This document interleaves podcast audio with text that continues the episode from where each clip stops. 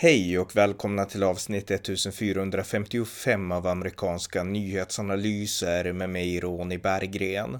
Idag den 6 januari, det nya året 2022, är ett år sedan amerikanska Kapitolium stormades av en stor pöbel Trump-anhängare. Här pratar jag om dagen tillsammans med den svenska amerikanen John Engren Dahlsten. Varmt välkomna! John Engren Dahlsten, välkommen! Tack Ronny! Eh, du är svensk-amerikan och du bor i Florida och idag så är det den 6 januari och ett år sedan den här stora stormningen av Kapitolium den 6 januari 2021 då. Och eh, ja, jag var i Sverige då, du var i USA, men, men alltså vad är dina minnen från den dagen för ett år sedan? Just för min del så är jag inte riktigt den personen som har detaljkunskaper vad som hände för att valet förlorades av Trump och eh, det var så mycket smuts i media vid tillfället så jag tänkte att nej, nu tänker inte jag kolla på nyheter på ett tag. Så jag stängde faktiskt av allting i nyhetsväg i en månads tid. Eller två månaders tid ungefär. Så när, när 6 januari dök upp, så, eh, eller det som skedde på 6 januari i Kapitolium, så kollade inte jag på nyheterna. Det enda jag fick intryck av, det var vad folk skrev på Facebook och social media. Just det. Mm. Och då insåg jag att okej, okay, det har hänt någonting. Ungefär så var det. Så att jag lyssnar inte sekundaktuellt, eller tittar inte sekundaktuellt på själva händelsen i Kapitolium i Washington vid tillfället. Däremot så har jag ju naturligtvis tagit in, eh, tagit in efteråt vad som skedde givetvis då. Ja. Eh, men just där och då så var jag, jag, jag, kan inte säga att jag visste var jag var någonstans när det skedde och sådär. Så för mig är inte detta en jättestor händelse, vilket jag har förstått att det är såklart. Va?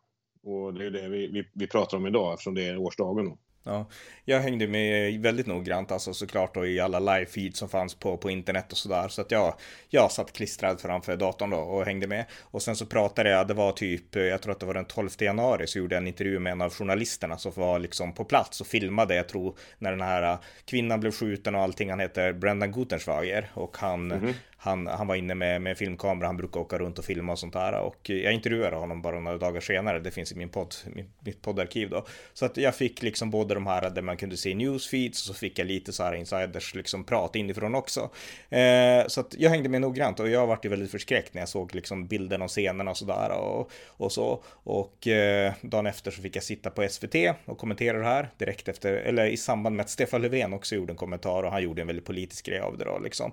Och så. Eh, Eh, vilket det också var i synnerhet då. Eh, men eh, ja, jag vart ju såklart upprörd över allt det här och jag tyckte att det var det var en tragedi för amerikansk demokrati och jag hade ju sett Donald Trumps tal också som han höll innan det här. Och eh, lite senare så skulle det ju här eh, komma att blåsas upp väldigt mycket av Demokraterna och sådär. Men, men eh, han sa inget våldsamt så att jag kopplade ju liksom inget i det han sa i sitt tal till att nu ska det hända något våldsamt. Det är viktigt att betona, utan det var ett tal som han har hållit. Han hade hållit många gånger innan den här händelsen. Sen manade han alla att gå till Kapitolium och fight like hell, men alla som har lyssnat på Trump vet att han alltid säger så på sina rallyn och det är alltid fredligt. Du, visst har du varit på Trump-rallyn? Ja, visst, absolut. Vi körde ju ett live-rally strax när valet. Ja, det gjorde vi exakt. Och det, jag menar, mm. du kan ju, du kan ju liksom intyga att Trumps rallyn är fredliga. Det är fredligt folk. Det är, inget, det är inga våldsamma människor. Nej, inte det minsta alls. Eh, exakt. Sen, mm. sen, sen, att det, det råkade då sammanfalla med 6 januari förra året när han då höll sitt tal och det blev tokigt om man säger så. Va? Uh, utan att förminska händelsen i sig. Va? Nej, exakt. Men det är dit jag vill komma. Alltså, alla Trumps rallyn är fredliga. Alla som är på sådana vet att det är så. Det är liksom inte våldsverkare där. Och är det våldsverkare där så är det vänsteraktivisterna som hoppar på Trump-anhängarna. Det vet alla. Uh, så att han, han sa ingenting i det här talet heller som var liksom, ja, det skilde sig inte så mycket så som han brukar prata. Han hade ju pratat om valfusk hur länge som helst liksom dessförinnan ja. utan någon minsta våldsgrej. Så att jag förväntade mig inte det som hände sen, utan man såg att de började gå till Kapitolium och sen så hände de här våldsincidenterna och eh, det var ju, nu vet vi ju vilka det var och vilka som gjorde vad och sådär. Det visste man inte då, men man såg ändå scenerna och det var väldigt otäckt och väldigt otrevligt och speciellt det här när de springer in och liksom krossar fönster och när de skanderar häng Mike Pence och liknande. Fast det såg jag senare, det såg jag inte live utan det såg jag lite senare. Men... Ja, det missade jag helt. Ja, precis. Så att de, de stod ju och skrek häng Mike Pence, häng Mike Pence och så liknande. Så att det var ju, det var ju verkligen en ja, en katastrof. Jo, men det hade ju att göra med att han, Mike Pence hade ju någon form av, eller han satt mm. ju som, som ordförande i senaten och skulle då eventuellt haft en, en eh, roll att stoppa eh, valresultatet på något sätt då, som, som gemene man fick för sig. Det var väl därför man inte gillade Pence vid det tillfället om jag kommer ihåg rätt. Men att ropa att man ska hänga honom är inte så, så bra direkt då. Nej, och dessutom nej. så funkar det ju inte för att eh, konstitutionen erbjuder ingen möjlighet för honom att göra någonting i det läget. Va? Nej. Sen, sen att Trump höll ett, ett, ett lugnt tal, det är ju inte det problemet är.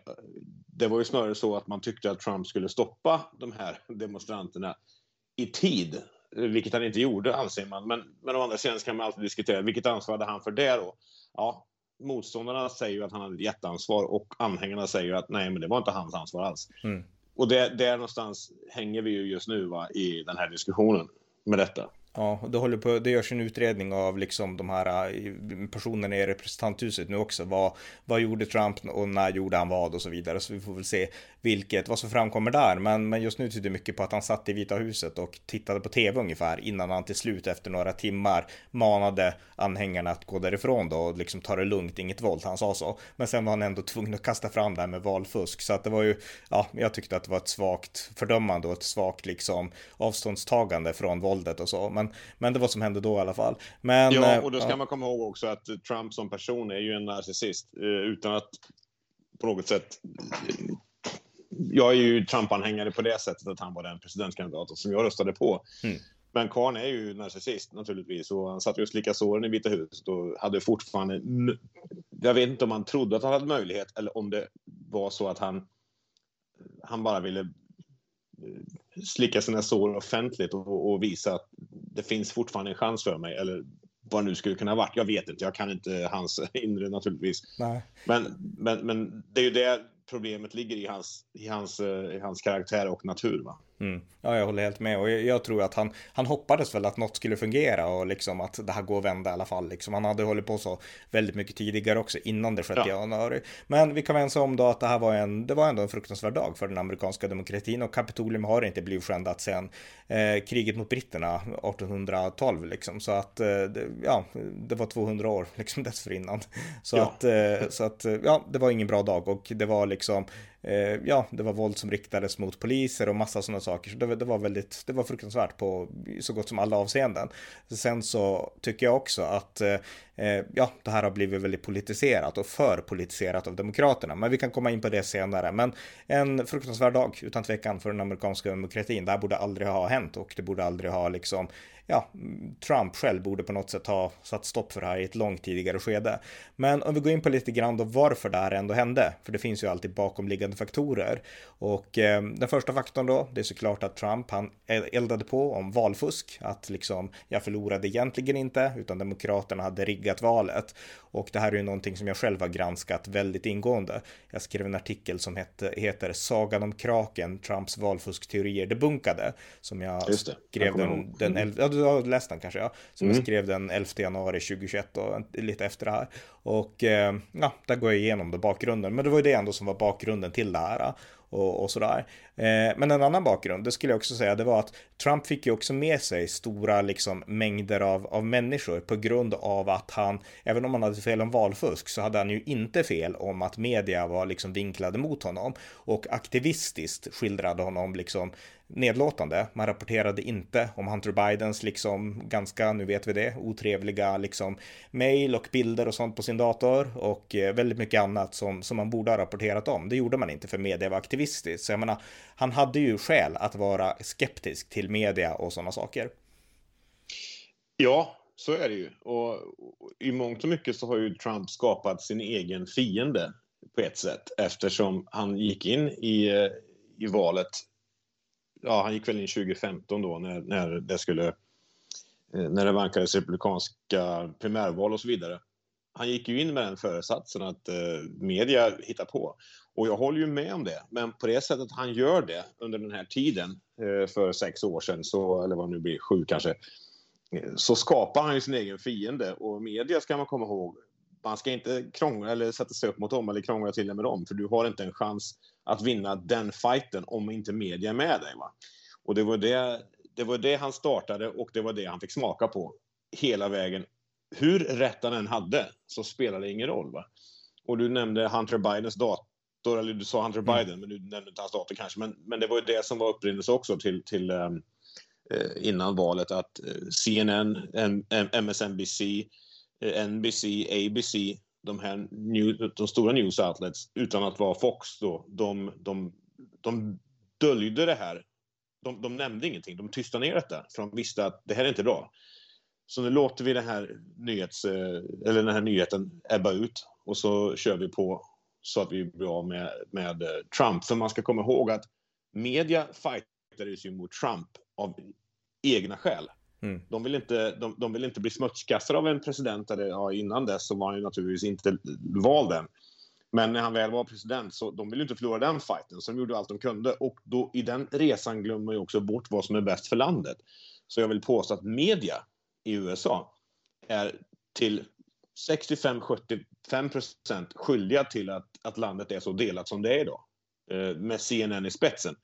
Inget snack. Och det har dessutom kommit ut efteråt vi ska inte gå för långt ifrån 6 januari, men detta är viktigt att komma ihåg att, att man har kommit ut efteråt här nu i, jag tror det var i höstas, tidig höst då, när Biden hade suttit en stund, att CNN då gick ut och erkände att ja, vi, vi höll undan information. Mm. Därför att Trump var vår fiende, inte något annat. Det var det det handlade om. Och därför så döljde vi information. Det var en journalist som, som slutade på CNN som gick ut och sa ”Japp, vi gjorde allt för att smutskasta Trump det var, allting var lögn, men vi gjorde det, vi gjorde det för att, att det, det var fighten mot honom vi tog. Ingenting annat egentligen. Och i den här fighten så, så, så jag ska inte säga störtas landet i kaos, men det blir, det blir väldigt divigerat. Va? Det blir divisioner i landet. Det blir en sida mot en annan sida hela tiden. Och mm. media är jätteskyldiga till detta.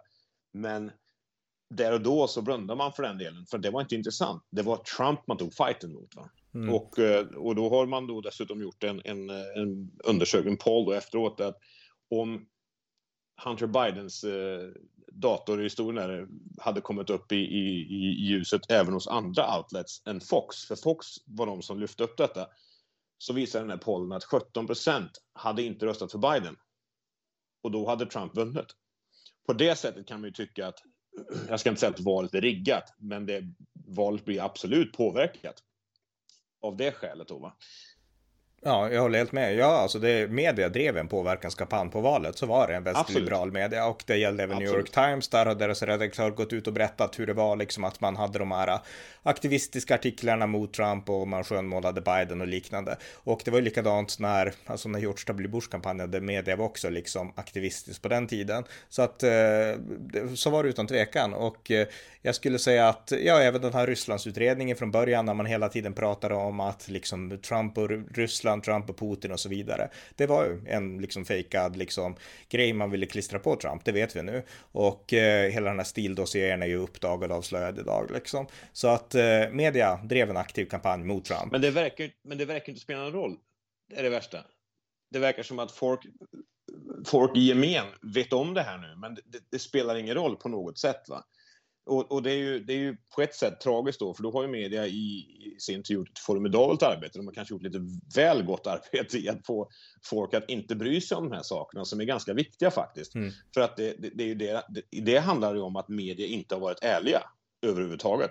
Och media tycker jag ska inte driva en agenda sättande journalistik, vilket de gjort då, som DN i Sverige med, med Wolodarski i spetsen och så vidare. Mm. Det kan de ju välja om de vill, för det är privata bolag givetvis. Va? Men, men ehm, i det här fallet så, jag tycker ju då som, som eh, inte Trump, men i alla fall som konstitutionalist, det här blir fel, det blir tokigt. Ja, ja, men verkligen. Och sen, jag menar, man försökte inte ens alltid dölja liksom att man var aktivister, utan jag menar, CNN, de hade Don Lemon som alltid hade sina kommentarer, även Chris Cuomo, ja. och nu är han ganska ute i blåsten men de hade honom då under presidentvalet och den här Jim Acosta som alltid var häcklade Trump på presskonferenserna. Och det här var ju människor som inte kunde bete sig, alltså de försökte inte ens dölja att de liksom inte var neutrala, utan vem som helst som lyssnade insåg att det här är ju, de ställer vansinniga frågor, de drar vansinniga slutsatser och de spelar på känslor liksom liksom. Alltså det var inte sakligt deras rapportering alls. Eh, och deras sätt att analysera Trumps liksom politiska utspel. Och när Trump såg sånt, då vart han arg och tänkte fake news, ni är värdelösa och han hade helt rätt. Eh, I nästan alla fall, inte i varje fall, men i övergripande hade han det. Därför att de drev ingen ärliga, liksom, de gjorde ingen ärlig journalistisk granskning av Trump, vilket man kan göra kritiskt också. Men de gjorde det liksom med lögn som verktyg och med liksom nidbilder. Så att eh, det gjorde också att Trumps anhängare kände att liksom, det går inte att lita på något som media säger. Och hamnar man i det lägret, då är det lätt kanske att tänka att därför kan vi lita på allt som Trump säger. Så att om media säger att det och det, så här är det, då vet vi att det är lögn och i många fall så var det det. Eh, men då kanske man lätt också tror att allt Trump säger är sant. Och eh, det är att falla i det andra diket och det är det jag anser hände med Trump-rörelsen. I synnerhet där liksom efter valet när Trump gick ut med att allt är, det är fusk och liksom jag vann egentligen. Jo, men det är det som skapar en, en, 50-50 eh, state som vi har i USA just nu. Det är ju det är en division, alltså det, mellan två läger i grund och botten. Sen finns det naturligtvis gråzoner såklart. Va? Och det är precis det som skapades under den här tiden och under hela Trumps tid faktiskt, att, att media gjorde detta. Och jag vill komma tillbaka till vad jag sa, att Trump skapade detta själv. Rätt eller fel, han hade rätt, men det spelar ingen roll för när media är så stark och, och, och, och driver sin eh, tes, lögn eller vad det nu kan vara, så, så spelar det ingen roll för att det, det kom, alltså, de möter honom på hans planhalva och då måste han fightas mot det. Men du har helt rätt. Antingen så trodde man på det Trump sa var 100% rätt. Eller också trodde man på media, det var 100% rätt.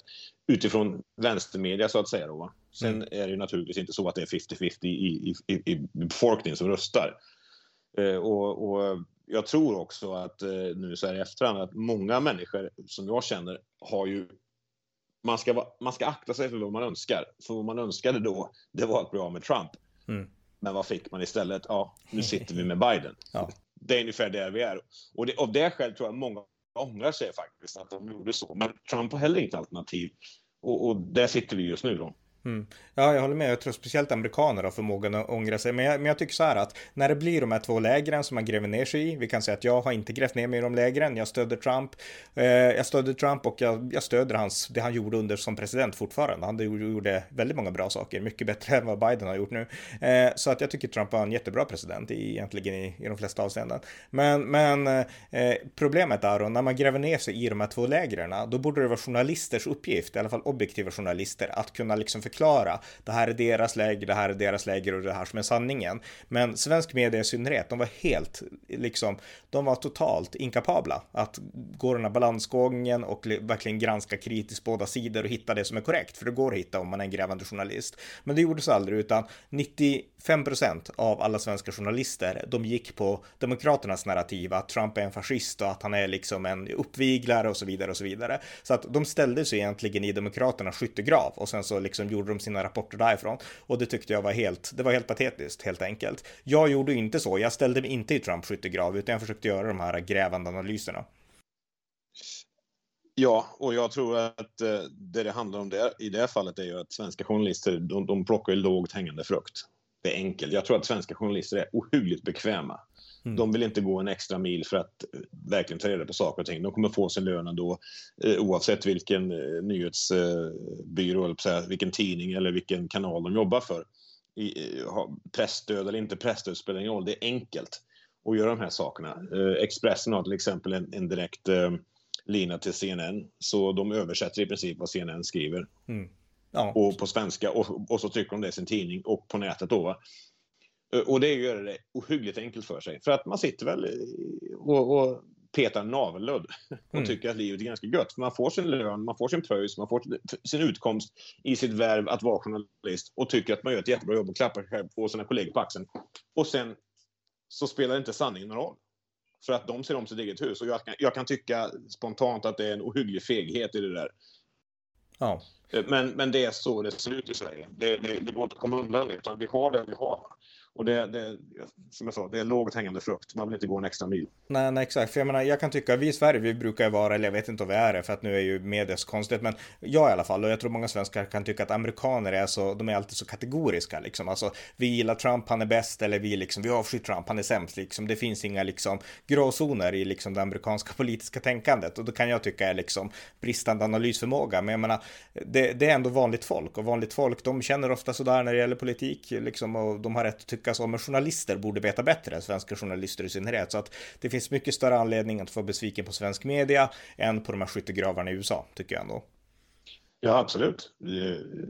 Definitivt. Och, och, det finns ju nyanser även här. Även om vi har då enmansvalkretsar som leder till att det blir två partier till slut. Va?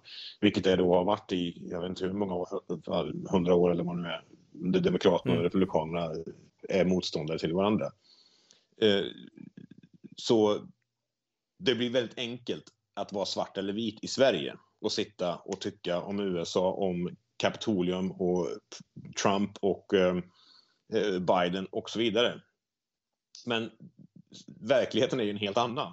Men mm. det ser man inte. Och är man dessutom, som jag, jag vill påstå att den största delen av svenska journalister är ohyggligt lata. De orkar inte gräva ner sig. De, de skriver sin, sin grej och sen så går de på Söder och tar en bärs och får en klapp på ryggen så är allting bra. Och, och och, och köper gemene man det så blir det ju faktiskt riktigt obehagligt. Och de här människorna som gör detta, de klappar sig på ryggen för att de är demokratins förkämpar. Mm. och det är ju faktiskt precis tvärtom. Nu vet jag att inte det här samtalet skulle gå ut på detta givetvis, va? men det är nog en nödvändig bakgrund att dra först och främst innan vi, vi kommer vidare. Ja men, det, ja, men det är nödvändigt av den enkla anledningen att det svenska journalister gör, det är att de använder saker som den 6 januari, som vi nu har tydligt förkastlat det som hände, men de använder det för att klistra det på hela liksom Trumps rörelse. Alltså det blir inga distinktioner, utan då blir det Trump-rörelsen, trots att både du och jag vet att alla, i princip alla som går på Trump-rallyn är superfredliga. Det är så liksom. 6 januari var liksom en anomali i liksom Trump-kampanjen. Det, det, var helt liksom, det stack ut från alla ramar. Eh, eh för Trump-rallyn är inte sådär. Så att jag menar, vi visste det, men de får en sån här händelse till att liksom smeta ner hela Trump-rörelsen, hela det republikanska partiet. Och det är det som blir så skevt, för att vi vet att republikaner är väldigt snälla människor liksom. Så att, eh, ja, det är det som är kruxet här. Jo, men det, det gäller ju inte bara Trump och, och 6 januari förra året, det gäller ju allting. Mm. Smeta ner motståndaren, det är viktigt att göra. Och när journalister blir aktivister så, så blir det ju tokigt givetvis. Och det som är intressant med, med 6 januari, det, det, min, min, första bild, som jag sa inledningsvis, att jag, jag följde inte nyheterna, för jag, jag var så trött på hela, hela skiten, om jag ska uttrycka mig frankt att jag inte brydde mig. Men sen den första bilden jag såg efter det här, det var den här, den här bilden på någon person med någon björnluva på huvudet. Ah, och, och, ja, jag vet inte vem det är, och, men den bilden tog väl bara för dina lyssnare ganska bekant i och för sig. Va? Och, den, och den fick ju karaktärisera hela Trumps eh, väljarbas, vilket blev helt tokigt. Men det blev så, för media, det är ungefär som en reality show på tv. Det är bra tv, nu kör vi. Mm. Men om verkligheten är den eller inte, det spelar ingen roll. För man säljer lösnummer, man får klick och hela den biten, man tjänar pengar på detta, då, då är det ganska bekvämt ytterligare då att, att, att, eh, att publicera och kavla ut de här bilderna. Eller kabla ut de här bilderna, säga. Eh, och, och det, det tragiska i alltihopa det är ju att det finns ju väldigt många konsumenter av nyhetsmedia som överhuvudtaget inte är det minsta kritiska. Det finns ingen kritik överhuvudtaget på detta. Är detta verkligen sant? Det finns ju dessutom då efter Kapitolium en jäkla massa, massa indikationer på att det var inte bara Trump-anhängare som var där, utan det var många demokrater också som gjorde så kallade false flag-operationer eh, eh, samtidigt. Huruvida det är sant eller inte vet inte jag, men jag kan tycka att det låter ju rimligt. Eh, man uppviglar också. Man är inte Trump-anhängare, men man, man vill få det att se ut som att det är Trump-anhängare som, som, ställer till det då. Mm. Jag, och, tror att, äh, ja, jag tror att just det tror jag inte stämmer faktiskt. Men, men däremot, jag vill säga det att det, det som är intressant ändå när vi pratar ja, det är möjligt, det är möjligt att du har rätt. Uh, förlåt, jag avbröt. Det är möjligt att du har helt rätt om det fallet. Men när det kommer ut, vad ska du tro på? Det, det finns så mycket information.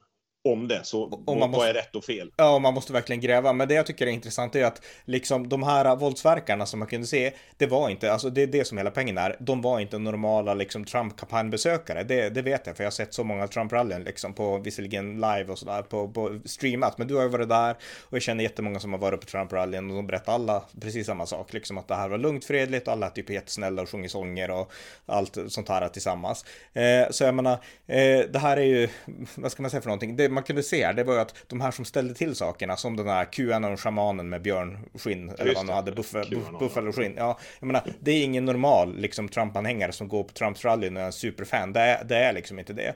Utan de här på right side broadcasting och liknande, som alltid är på alla Trumps rallyn, de gör ju aldrig sådana där saker liksom. Så att det är ju som, ja, det är liksom... Jag skulle tro att en majoritet av alla Trump-väljare vet inte ens vad kvanen är för någonting. Exakt. De exakt. har ingen aning om det. Nej. Men, men också då, jag satt och lyssnade på talet här innan eh, med Biden och Harris, mm. apropå då 6 januari, jag tog några anteckningar och tyckte att att, uh... Men vi, vi, kan ju säga det då, alltså att idag det är ju som sagt årsdagen och eh, nuvarande presidenten då, Joe Biden, han har ju hållit, mm. ja, han har hållit ett tal då, liksom idag på minne, minnesdagen då efter 6 januari. Han och även Kamala Harris höll ett tal, så att, ja, fortsätt. Nej, men just att, att, att man då eh, skjuter på det som, som du säger, att, att det här är den typiska Trump-anhängaren och det, det är så här det var på 6 januari förra året och, och så här ser det ut i landet och så vidare. Va? Eh, och jag kan tycka att det talet som Harris hade och talet som då eh, president Biden höll efteråt, det blev ju, jag, jag tyckte att det blev lite, det blev lite väl fånigt alltihopa. Men de är politiker, de tjänar poäng på att, eh, att säga det folk deras väljare vill höra lite grann. Då. Ja, nej, men jag håller med. Alltså de, eh, det, det är viktigt att komma ihåg det här och liksom fördöma det som händer, men det har redan gjorts och det har gjorts väldigt ofta och väldigt mycket. Republikaner stödjer inte det här som händer liksom. Eh, så att det finns ju liksom inget, när man liksom drar de här parallellerna som Kamala Harris gjorde till 9-11 attacken och till, jag nämnde om Pearl Harbor också, jag vet inte, men, men liksom. Jo, hon börjar väl med Pearl Harbor. Okej, okej. Okay, okay. ja. Det blir rätt absurt. Jag menar, det här var förkastligt, det var en fruktansvärd händelse, allt ska göras för att det inte ska hända igen. Men det här var inte Pearl Harbor, det här var inte 9-11, utan det är demokraterna som vill spela upp det här för egen politisk vinning. Det är viktigt att liksom, att vara jättetydlig med det. Eh, sen vart det fel och så, men, men det, det, är liksom, demokraterna gör verkligen allt de kan för att suga ut alla former av politik från det här, vilket de har gjort tidigare. Och det, det, det jag menar, jag tycker man kan jämföra med, det här var visserligen den mest symboliska byggnaden i USA och det här var ett, liksom, ja, det var ju en attack på demokratin, något annat kan man inte säga. Men det finns andra former av attacker på demokratin också. Till exempel så har vi under hela 2020 fått se hur Black Lives Matter och Antifa har förstört städer, de har hotat folk, de har misshandlat folk och de har till och med mördat folk. Och eh, ofta Trumpanhängare, men inte alltid bara dem. Och det här var någonting som i princip Demokraterna inte sa ett ord om under våren och försommaren 2020. Joe Biden som var presidentkandidat, han sa ingenting om liksom defund the police som, som krävdes av Black Lives Matter och han sa ingenting om våldet på gatorna i Portland, i Chicago och liksom i massa olika olika städer i USA. Eh, utan det krävdes ytterligare ganska rejäla liksom vandaliseringar förrän, för, förrän han först, jag tror att det var i augusti 2020, liksom fördömde våldet då. Och sen hade han en debatt mot Bernie Sanders där han var tydlig med att vi måste ha lag och ordning och stödja polisen. Men det krävdes extremt mycket för honom att börja liksom kritisera det. För att han, han försökte balansera, vad är politiskt gynnsamt och inte? Och jag menar, där har vi en rörelse som har förstört städer och som har liksom misshandlat människor. Och det om något är också ett hot mot demokratin. Men det tas väldigt sällan upp. Och jag tycker man måste ha båda de här sakerna liksom i, liksom, i, i jämförelse i balans. För jag personligen, det här går inte att bevisa just nu, men jag personligen är helt övertygad om att om Antifa hade stormat den här byggnaden, då hade det blivit mycket värre, liksom Kapitolium, eh, förödelse och våld än vad fallet blev den 6 januari. Ja, det kan vi ju alltid bara spekulera i. De här mm. Eh, counterfacts, det kan vi ju alltid, det kan vi alltid eh, diskutera såklart. Det vet vi ju inte, men jag, jag kan ju hålla med dig att jag tror att det, det, skulle åtminstone inte bli, bli, sämre, eller bli bättre om de hade gjort det givetvis. Va? Nej. Men, just men, det, det, men du håller med om det här med våldet liksom på sommaren, alltså det har man helt missat jo, och det är också ett hot mot du, demokratin. Jo, men du, du, du slog huvudet på spiken där när du sa att det handlar inte om att Biden skulle tycka att det är bra eller att den gemene demokratväljaren tycker att det är bra. Det handlar ju om vart blåser vinden? Upp med fingret i luften och, och veta vad vågar jag säga och inte säga för att det är, gynns det är gynnsamt politiskt. Därför att vi har två partier i USA som är de stora. Det finns fler, men det är de två stora som antingen, antingen är en republikan, republikansk, eh, republikansk styre i en delstat eller också är det demokratiskt styre i en delstat. Det är republikanskt i senaten eller demokratiskt och så vidare. Det är 50-50, antingen eller, över tid. Men man ska komma ihåg att i, den här, i det här systemet så, så det finns liksom inte utrymme för nyanser. Det är därför du har vad heter, nu AOC? Mm. Um, the, the Squad. De som sitter i, i Demokraternas, um, i kongressen för mm. Demokraterna. Mm. De hade ju inte varit demokrater ifall det funnits ett ytterligare extremt vänsterparti i USA som hade haft makt. De, de, demokraterna har inget utrymme för dem. Sanders till exempel, eller Bernie Sanders är ett jätteutmärkt exempel på att han är presidentkandidat för Demokraterna därför att det finns inget mer vänsteralternativ för honom. Då är det bättre att gå in där det finns åtminstone lite stöd. Och det är därför det i, i dels media men också för gemene man saknas nyanser. Och då blir det ju då, då, då samlas ju tokstollar i båda läger. Mm. För att man antingen håller på den ena eller den andra, för det finns inga andra alternativ. Om du inte är då libertarian och håller på Libertarianska partiet eller The Green Party, som du kan göra om du vill. Va? Men de har ju ingen röst överhuvudtaget. Det finns liksom, de har ingen makt, de, de har ingenting, de har inget inflytande alls. Va? Det blir ganska tråkigt där. Därför så är det bäst att gå in där det finns makt och inflytande och då gör man det och då, då, då kommer ju alltid ytterligheterna upp. Mm. På båda sidor. Jag, jag, ska inte försvara Republikanerna för det finns en hel del tokstollar där också. Som den här shamanen med, med björnfällen på huvudet. Va?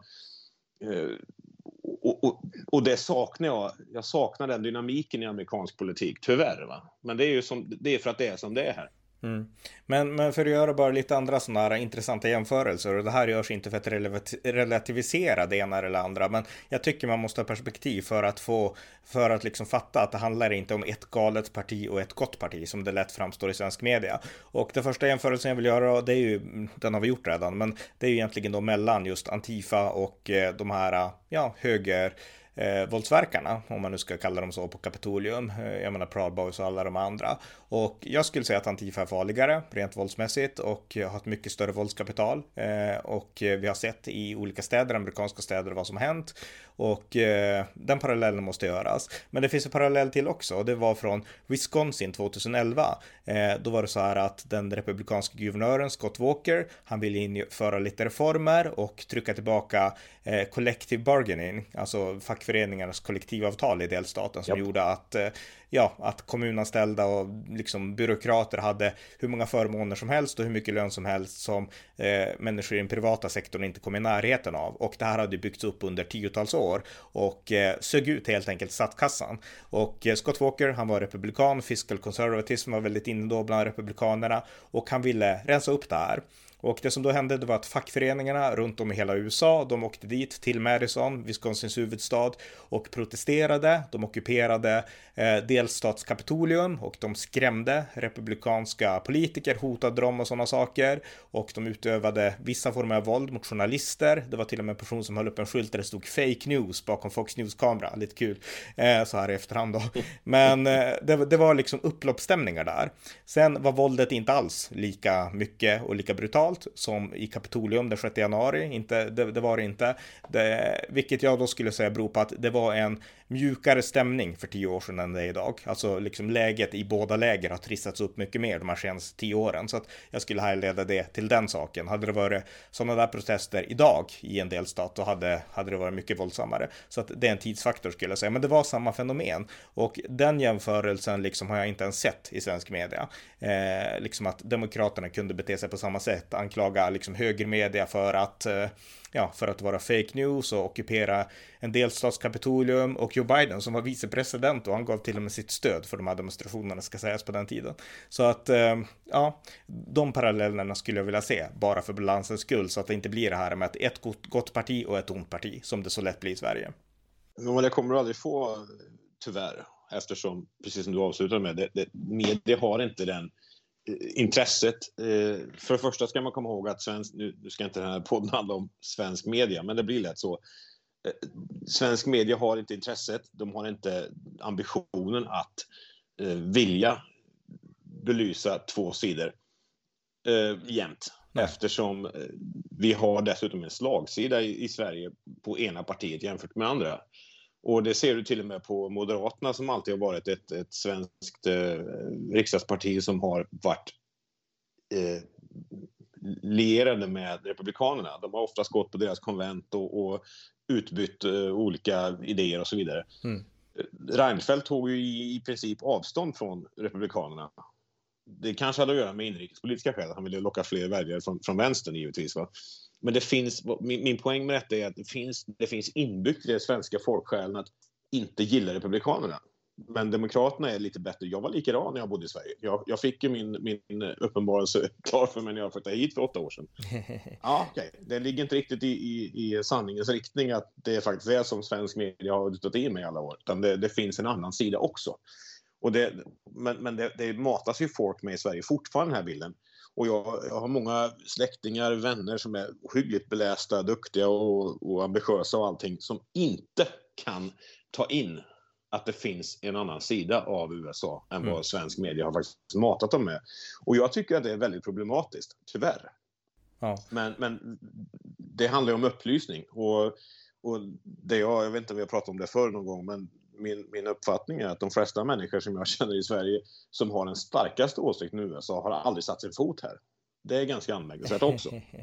ja, ja, det är verkligen anmärkningsvärt och det är intressant att du berättar det här, för det, det, jag menar, du har helt rätt. Jag menar, media i Sverige vill ge en sida och de lyckas ganska bra för svenska folket är helt hjärntvättade. Och ett exempel på det nu som jag läste idag alldeles nyligen innan vi, innan vi ringde varandra, det var att Marcus Oskarsson på TV4, han har skrivit ett inlägg då om att Magdalena Andersson, vår nya statsminister, jag har knappt lärt mig att hon är en, men hon är det i alla fall. Hon, eh, eh hon, hon har uttalat sig då eh, med anledning av den här dagen och ettårsdagen och säger säger att eh, i Europa har rörelser till höger hämtat inspiration hos Trumps alternativhöger. I Sverige tog Sverigedemokraterna aktivt ställning för Trumps republikaner. Och så säger hon att även efter stormning av Kapitolium hävdade Jimmy Åkesson att Trump var en bättre president än Joe Biden.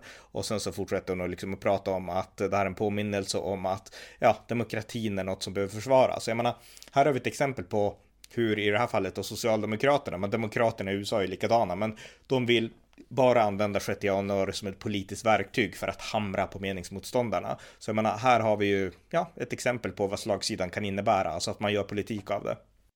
Jo, men demokrati är ju bara intressant om det gynnar den egna sidan. Sen kan mm. du snacka om demokrati hur mycket du vill. Eh, statsminister Andersson använder ju det för att tjäna inrikespolitiska poäng, givetvis. För det gynnar hennes idé om vad som är demokratiskt och inte demokratiskt givetvis. Jag, jag kan tycka att Republikanerna hade förmodligen gjort samma sak i deras sits. För att man ska komma ihåg att politiker, de, de, de är som företagsledare. Det är bara det att deras, väl, deras kunder är väljare. Företagare är, har, har en marknad med kunder som ska köpa deras produkter eller tjänster och så vidare. Och det är samma sak med politiker. Det är därför det är så det, det, det, är inte trovärdigt att lyssna på det där. För det, det, det är bara svammel och snömos. Både från Eh, statsminister Andersson eller om statsministern skulle heta Kristersson, de skulle använda samma argument, bägge två, för att gynna sin egen sida. Det är därför jag till exempel inte gillar politiker och vidare. Va? Det, finns, det, finns, det finns skitdåliga politiker och så finns det sämre politiker och så finns det halvbra politiker. Va? Jag, jag gillar ju de som är halvbra, för bra blir de aldrig. Det ska man komma ihåg, för de, de gynnas av systemet och de kommer fortsätta att, att driva sin tes. Och jag tänkte på det innan vi ringdes upp här, det här talet då som hölls idag av, av, eh, eh, av vicepresident eh, Harris och sen då president Biden. Hur infantilt det händer, eller infantilt allting är. Jag tog några anteckningar förut för jag tyckte att det var så intressant. Det, det, det här, för det första så började hon jämföra, jämföra då den här 6 januari med eh, Pearl Harbor. Och sen kommer då 11 september 2001 och sen 6 januari och det är så ödesmättat och det är så tungt tal. Det blir kladdigt, löjligt och fånigt och framförallt pinsamt. Mm. Om man då tar ett steg utifrån det och ser vad är det egentligen som hände. Uh, jag noterar också att uh, Wolfgang Hansson, uh, journalisten på Aftonbladet, han har inte rätt på någonting någon gång när han skriver någonsin. Och han får alltså en bra lön, och det kommer tillbaka vad jag sa innan man sitter och skriver saker och ting och så får man en klapp på axeln när man sitter och dricker en pilsner med polaren på Söder. Det är precis vad Wolfgang Hansson gör, för han har inte ett rätt en enda gång. Det pratas om statskupp, det pratas om störtande av regim, det, det talas om att Trump ska bli diktator och så vidare. Mm. Men den som kan den amerikanska konstitutionen vet att det av konstitutionella skäl är i princip omöjligt. Och skulle det finnas en liten, liten öppning att göra en sån sak som Wolfgang Hansson då skriver att Trump skulle gjort om han kunde. Då finns det andra krafter i samhället som kommer att sätta stopp för det där i alla fall. Mm. Jag vill inte vara naiv och tro att nej, men det kommer aldrig hända. Men det, alltså det, the founding fathers 1776, de skrev en ohyggligt bra konstitution som faktiskt gemene man följer i stor utsträckning så mycket det går. För man är, in, man, man, man är instöpt i ett system som faktiskt inte skulle tillåta att det sker. Du har andra maktmedel i samhället som också skulle sätta stopp för det. Vad skulle, vad skulle Trump gjort då om han blev diktator? Han skulle sitta och vara chef Vita huset, men mer än så blir det inte. Och dra de här växlarna som, som, som de här svenska journalisterna gör, jag tycker att det, det, det är tjänstefel mm. och oskickligt att ens, att ens skriva de här sakerna som de håller på med. För att man är lat, man vill inte ta in någon annan sida och man är, man är vänsterslagsida, man har vänsterslagsida från början. Och, och då kommer jag tillbaka, jag ska, jag ska låta det komma in här strax, det är din podd givetvis. Men det, det som är intressant är att Harris, eh, vicepresident Harris, hon, hon pratar om konstitutionen. Och det är så viktigt med konstitutionen.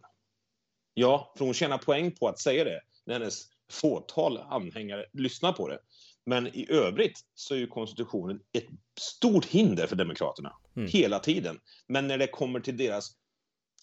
Att, att tjäna poäng på det, att locka till sig väljare som är oupplysta, då kan man använda konstitutionen. Men annars så kan man skrota den så fort det går, för att då är inte den viktig längre. Och det är ett, det är ett enormt politiskt hyckleri på, på, högst, på högsta nivå. Jättebra sagt. Alltså det, här, det här vill jag betona ännu mer. Jag menar, Demokraterna, de avskyr ju USAs konstitution. Det skrev 1789, Frihetsdeklarationen skrev 1776 av Thomas Jefferson. Men, men liksom... Förlåt, men, ja, precis. Men, men liksom, men, men eh, hela poängen är att eh, konstitutionen, USAs konstitution, den pratar om en begränsad statsmakt, individuell frihet, rätten att ja. bära vapen, total yttrandefrihet. Den pratar om egentligen allt som Demokraterna avskyr idag. Den pratar om säkra gränser och Demokraterna är emot allt det här. Eh, Eh, och det är till exempel därför som, ja men om vi tar det här med, nu är det mycket, en stor fråga om abort i USA. Eh, ska delstaterna ha rätt att förbjuda abort eller inte? Och nästan alla är överens om att konstitutionen ger delstaterna makt över den här frågan. Det argument som de här liberala domarna hade i Roe vs. Wade på 70-talet, det var ju att eh, eh, konstitutionen ger också individuell frihet och i den så friheten så ingår det individens rätt att bestämma över sin egen kropp. Och eh, den friheten tror man nu kommer att eh, alltid respekteras högsta domstolen kommer att respektera den. Men man kommer också ta i akt liksom att delstaterna, det här är en fråga för delstaterna, för konstitutionen säger ingenting om abort. Och av den anledningen så är det liksom delstaternas eget beslut att avgöra den här frågan. Eh, ja. Och då kommer man att balansera det med liksom den här frågan om liksom, ja, kvinnans frihet då, eh, med att säga att okej, okay, på 70-talet, då kanske abort var en nödvändighet för att kvinnor skulle kunna vara fria att liksom själv välja om de ville bli gravida eller inte. Men idag har vi preventivmedel och det är väldigt svårt att bli gravid gravid mot din vilja. Ibland kanske du kan bli det då, liksom. men det finns jättemånga metoder för att du ska undvika att bli gravid om du inte vill det. Och då kommer man mena att den friheten finns, den består. Majoriteten av kvinnor, de har möjlighet att inte bli med barn eh, om de inte vill det. Eh, och det gör att då kan vi trycka lite mer på det som också står i konstitutionen, nämligen att delstaterna ska få bestämma sådana frågor. Så att jag menar, i de här avseendena så struntar Demokraterna blankt i vad konstitutionen tycker, för de vill ha sina sakfrågor rätt. Det är det de bryr sig om. De bryr sig inte om konstitutionen, precis som du sa. Och det gör det verkligen hycklande när Kamala Harris börjar prata om konstitutionen. Du har jättebra poäng. Ja, och, och, det, är ju, det är precis som du säger. Och abortfrågan är ju brännande på det sättet att den, den, den är ju verkligen en, en, en frihetsinskränkning om man skulle förbjuda aborten. Och den, diskussionen passar kanske inte in i den här podden, men eftersom du nämnde det så ska man komma ihåg då att det som har blossat upp, jag har sett på svenska kamrater på social media, de, de tycker ju att de södra delstaterna är tokiga som håller på med abortmotstånd. Vad det egentligen handlar om i den st största delen är ju att man vill begränsa vilken tid man kan göra aborten på. Mm. Eh, New York tyckte att man fram till i princip nionde månaden skulle kunna göra abort medan då Louisiana, Alabama, de delstaterna tycker att man, man, man får inte göra abort efter en viss fem veckor kanske. Mm. Ja, sex kanske var då. Eh, men, men det är ju en, det är en, det är en symbolfråga för vad konstitutionen handlar om i, i stor utsträckning. Och i det här fallet så handlar det om att delstaterna får faktiskt bestämma själv. Men, men Exakt, men det är en bra poäng. Alltså man behöver inte ta ställning. Man får tycka vad man vill i abortfrågan. Det intressanta är vad säger konstitutionen. Det är det som är grejen ja. här liksom. Och konstitutionen tog inte, tog inte avstamp i varenda liten detalj i livet. Och det ska inte en konstitution göra heller. Utan det får man ta från fall till fall. USA är ju, är ju tycker jag, då den, den, den, den största demokratin i världen någonsin på grund av att konstitutionen är konstruerad som den är. Eh, och, och, men jag tycker då, då kan man inte sitta och välja russinen ur kakan som, som eh, Kamala Harris gör så fort hon kan. I, I det här talet var det så uppenbart att man sitter och, och, och eller hon stod i och för sig, men att, eh, att står och berättar för hela amerikanska befolkningen att ja, nu är konstitutionen på spel och vi är det. Ja, men du, den var inte så jävla viktig häromdagen. Men nu är den viktig för att du kan tjäna poäng på den. Och hon vet ju om att hon är helt usel.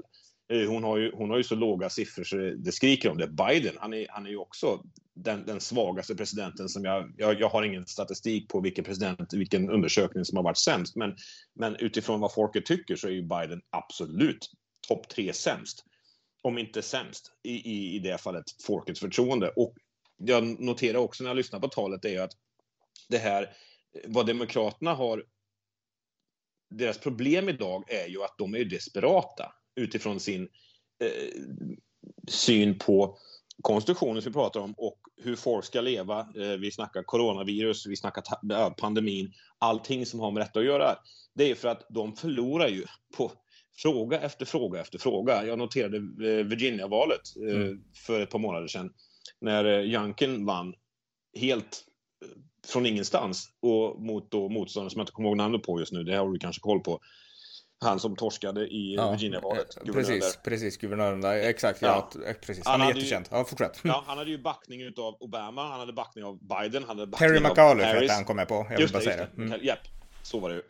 Och Janken var ju en företagare som tyckte att det här går, det här, det här går på röven, uttryckt, eh, alltså, försikt, eh, oförsiktigt uttryckt då. Så han vann ju detta. Och det som, det som Demokraterna har problem med idag, och jag säger inte att Demokraterna är ett dåligt parti så länge de är moderata i sitt sätt att se, och, och se på, på, på medborgarnas rätt och, och, och så vidare.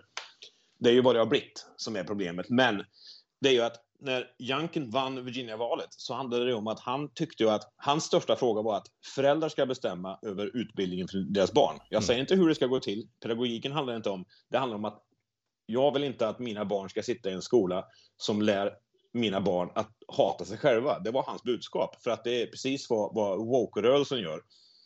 Eh, I det att vita barn har en skuld omedelbart de föds för att de är vita och ingenting annat. Va?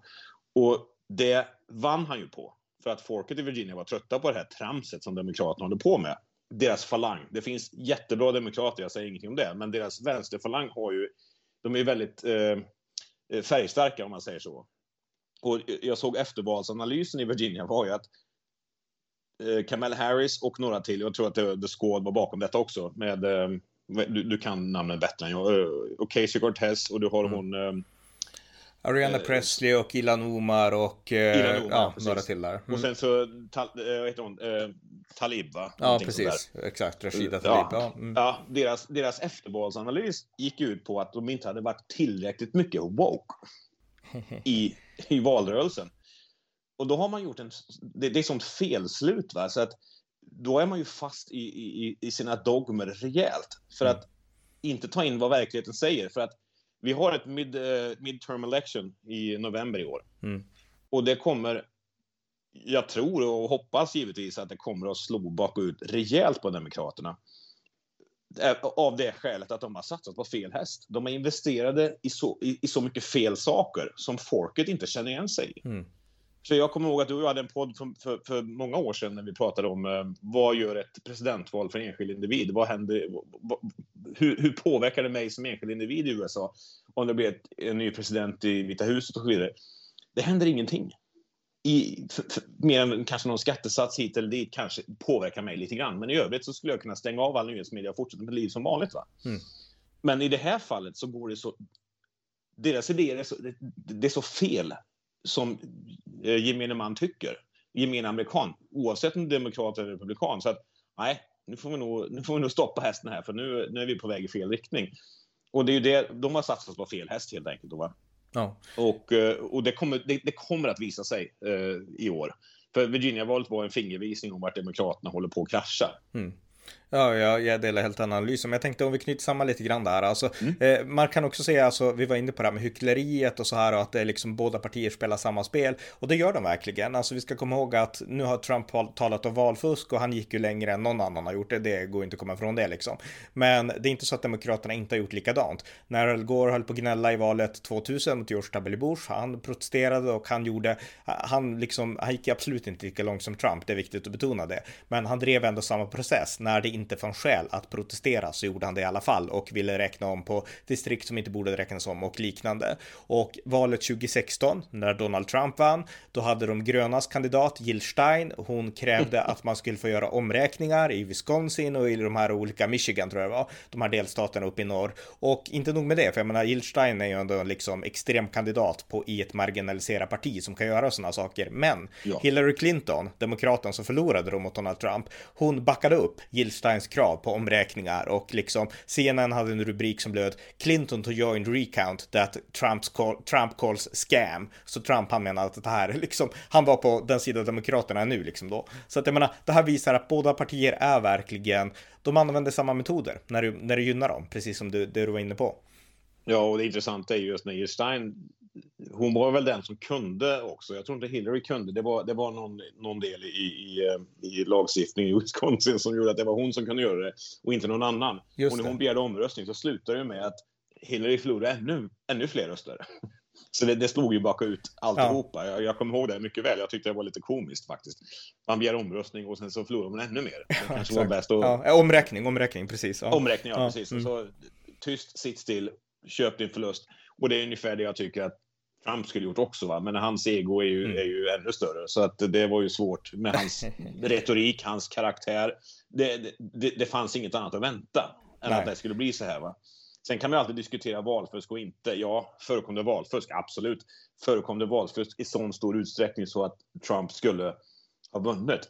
Nej, det håller jag för, för, för tveksamt. Men jag, jag, jag vill inte säga att det gick renhårigt till. Nej, inte i alla eh, detaljer gjorde det inte det, det vet jag också. Men, men däremot övergripande, alltså det var inte så att Joe Biden liksom var, vad heter det, alltså Joe Biden förlorade inte rättare sagt, eh, utan han vann eh, Biden. Jo, eh, så men hade, att, hade det ens varit valfusk så, så till Bidens fördel så i den stora utsträckningen som det i så fall hade varit, så hade han inte vetat om det i alla fall.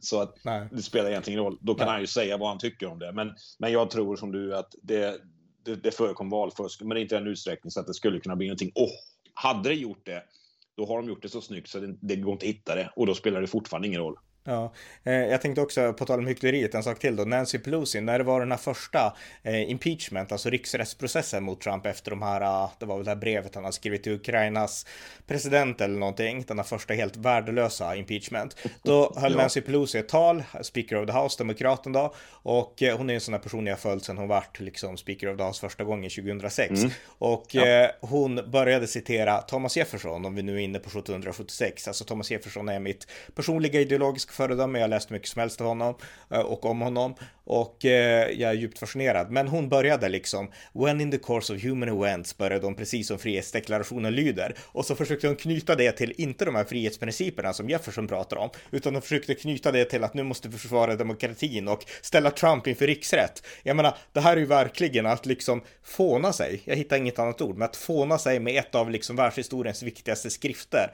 för att få de här extremt viktiga historiska skriften att kunna bekräfta ditt eget lilla pyttenarrativ. Det är lite grann som när man liksom, man läser Bibeln så kokar man ner det till det här handlar om mig och det här handlar om exakt liksom det här liksom som, som just jag tycker liksom. Och så använder man det för att bekräfta sin egen liksom grej. Och det var så genomskinligt med liksom Nancy Pelosis parafrasering av frihetsdeklarationen att det var ju liksom, jag skrattade när jag såg det. Så jag menar, här har vi också ett exempel där man försöker använda det här när det gynnar en själv. Men att Jefferson skrev massa om liksom att det är jättebra att ha vapen och sådana saker, då ignorerar man det. Så att det finns en sån otrolig dubbelstandard här. Och jag tror att den här dubbelstandarden beror, om vi ska avrunda med det, på att Demokraterna, de vet ju såklart att det går inte, eller okej, okay, nu med de här galningarna som river statyer, så nu kanske vi är i ett läge där det går, men generellt så har det inte gått att liksom smäda konstitutionen om man är amerikan. Det går inte. Du kan tycka vad du vill om de här idéerna, om vapenlagar och delstatsrättigheter, men du kan inte säga konstitutionen är dålig. Det kan man inte som amerikan. Alltså man svär en ed till konstitutionen. Det har väl du gjort till och med, när man blir amerikan? Ja, så får man göra. Ja, exakt. Det. Men, det, men, men, men, det du beskriver om, om, Nancy Pelosi, det är ju, det är ju den korrupta, hon ger ju den korrupta politikern ett ansikte. Mm. Eh, utan, utan omsvep. Och gillar man då Pelosi och Demokraterna så tycker man att det är jättebra. Gör man inte det så tycker man ju precis som du att det är, ju, det är, ju, det är helt fel att göra en sån sak. Det är fånigt på, på många sätt. Va? Men sen finns det en sån stor massa i mitten som inte vet varken ut eller in och inte kanske bryr sig om det. Mm. Men jag håller ju helt med dig. Men, men Nancy Pelosi, är, är, hon, hon är ju en Ja, hon är en ulv i fårakläder, om ens en, en, en, har fårakläder på sig. Hon är ju verkligen en, en, en riktigt, riktigt korrupt politiker ihop med Chuck Schumer. Ja, här, men men, de, de men, men dit jag vill komma innan, dit jag vill komma det egentligen att jag tror att det finns väldigt många av de här extrema demokraterna som egentligen inte gillar konstitutionen. De skulle Absolut. önska att USA hade ett parlamentariskt system som vi har i Europa där liksom parlamentet kan bestämma precis allt utan att vara fångad av den här gamla konstitutionen. Det bara att de har en konstitution och du vet, de vet att liksom är man amerikan måste man lägga handen på hjärtat, man måste säga, eller man, i alla fall förut, inte lika mycket nu, men att man tror på Gud och man måste liksom tycka att konstitutionen är den bästa skriften sen liksom Platon och Bibeln liksom. Annars så funkar det inte liksom att vara amerikansk politiker. Men egentligen så avskyr de konstitutionen. Det är liksom det så jag tänker. Ja, konstitutionen är, är ju jä jäkligt bra ifall den är till din fördel, men när den är emot dig, då blir det ju mycket enklare att, att ifrågasätta den hit och dit. Mm. Jag kan tycka att, att, att, att uh, många amerikaner är ganska historielösa idag av det skälet att man inte förstår var konstitutionen kom, var den sprang ifrån. Jo, man, man hör om Boston Tea Party i skolan och, och man vet att engelsmännen var dumma. Det var ju, det var, det var ju tråkiga tider givetvis. Va? Men mer än så är det inte, för man förstår inte att amerikanska, eller USA, är egentligen inget land. Det är en idé. Mm. Konstitutionen är en idé om frihet. Det är Exakt. egentligen det det handlar om. Ingenting annat. Sen är den nedtecknad i skrift, eh, som de kloka gubbarna förr gjorde, absolut. Det, det, då, bokstav, bokstäver blir som de blir, men idén är fortfarande där. Och, och det smyger ju in sig mycket, mycket mer idag eh, än tio år sedan till och med. Att, jag ska inte säga socialistiskt, men socialdemokratiska idéer mm.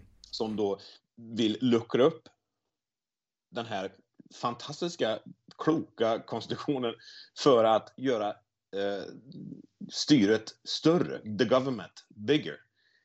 Och jag då som är konstitutionalist tycker ju att det är helt tokigt. Sluta upp med det där. Jag tycker att svenska staten är alldeles för stor i, i förhållande till någonting. Men tyvärr är det så att de som röstar för det eh, tjänar på det för att de kanske kan få en fri slant någonstans som någon annan drar in till dem i skattemedel och så vidare. Och då blir det ganska enkelt och amerikanska akademin är ju totalkorrupt med det här. Och det är förmodligen föremål för en annan podd givetvis, och som vi skulle kunna sitta i två veckor och prata om hur, hur uselt det är. Va? Men, men det är ju dit vi är på väg och jag, jag, ser ingen annan utväg än att det kommer bli en ganska stor smäll innan det lugnar sig igen. När den sker, det vet inte jag och den har förmodligen redan börjat i att du har två läger i USA som, som träter med varandra på social media och så vidare. Det har inte gått till våldsamheter så mycket mer än att du har Antifa och, och bråkmakare uppe i Oregon, och Washington och, och, vi snackar Kapitolium och så vidare. Va? Men det, vi, är, vi är där idag. Och jag tror att många inte ser det för att det är enklast så. Jag som bor i Florida, det är ju skitenkelt här för vi har inte det bekymret. Men, men i resten av USA så är det en stor divergering och det skulle inte förvåna mig om en 30 år att landet är uppdelat igen. Som då sydstaterna ville en gång i tiden. Mm. Därför att det är så stora skillnader. Och den stora skillnaden består i folks, eh, befolkningscentra kontra landsbygd. Och det, det, ser vi i Sverige också. Det är liksom ingenting som är unikt för Nej. USA. Nej, verkligen. Eh, vi kan avrunda lite med Donald Trump. Alltså, så här, alltså han, han släppte ett uttalande efter att Joe Biden och Kamala Harris hade hållit sitt tal nu tidigare idag och han skrev att eh, ja, det här är liksom, Joe Biden har varit en katastrof för USA det håller jag med om. Men han fortsatte också, det här är liksom, det beror på att valet är så går det när man får en riggad president och sådana saker. Så jag menar, han fortsatte ja, att älta på det här med valfusk och det var ju superfånigt tyckte jag. Och jag tänkte bara säga så här att jag tycker att Trump, om han hade velat bli, för jag tycker han var en bra president, det är inget snack om som det. Han skulle ha varit mycket bättre än Biden, liksom, för Biden är en katastrof på alla sätt. Liksom. Men eh, om Trump hade varit smart, då skulle han ha gjort så här när han förlorade den 3 november 2020. Han skulle ha bitit i det sura äpplet och bara sagt att jag förlorade, typiskt, men jag kommer göra comeback om fyra år till och då kommer jag spöa dig, Biden. Och sen skulle han nöjt sig med det och då tror jag att han skulle haft en superchans. Då hade liksom han inte fått de här liksom motståndsfalangerna i partiet utan han hade fått hela partiets uppslutning och kunna satsa totalt på en comeback. Så jag menar, han sköt sig själv i foten genom att göra det han gjorde, vilket jag kan tycka är synd för att han var ändå en bra politiker. Jag tror inte han sköt sig i foten så hårt.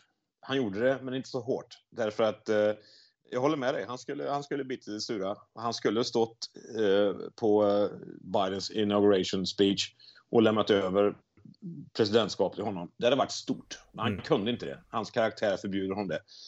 Men jag tror däremot att han inte måste, nödvändigtvis måste ha skjutit sig själv i sank när det kommer till nästa val. Eh, han kan mycket väl komma tillbaka, alternativt den han endorsar eh, kommer att bli president 2024. För att, att Demokraterna skulle vinna detta nästa gång, det finner jag osannolikt. Sen att tyvärr, eh, till Biden, Trump håller det republikanska partiet på halster genom att inte säga om han ska ställa upp eller inte. Där tror jag då den största, där, där, där skjuter han sig, där, han skjuter inte sig i foten, han skjuter det republikanska partiet i sank genom att inte berätta. Men nu har han ju sagt att han kan inte göra det än. Men jag tror han kommer ställa upp. Mm. Ja. Det, det, det, det, sätter jag mina pengar på. Jag tror också det faktiskt. Och eh, ja, det ska bli intressant. Och jag kommer i sådana fall att inte stödja honom i ett primärval. Då kommer jag stödja någon annan republikan om det finns någon. Men får Trump nomineringen, då kommer jag definitivt att stödja honom. Därför att han är en ja. bättre politiker och president än Joe Biden. Det är liksom ingen snack om den saken. Så att... Eh, kommer... så... Ja. Det kommer säkert finnas någon som ställer upp mot honom i, i det fallet, men det, det, det, det, är någon som vill göra politiskt självmord för att det kommer inte, det, kommer inte funka. Nej. Men visst, absolut. Och det värsta är ju att han, han, den personen skulle i så fall splittra Republikanerna lite grann. Då. Kanske inte så mycket, men lite grann. Mm. Men jag tror att det, det, det vore ohyggligt korkat att ställa upp mot Trump nästa val. Ja, sen kan mycket hända på två år, men vi får se. Men vad bra, då har vi pratat om det 6 januari, så supertack John, det här var jättebra. Ja, ja. tack. Ha det gött. Det var avsnitt 1455 av amerikanska nyhetsanalyser. En konservativ podcast om amerikansk politik som kan stödjas på swishnummer 070-30 28 95 0 eller via hemsidan på Paypal, Patreon eller bankkonto. Det var allt för den här gången. Tack för att ni har lyssnat.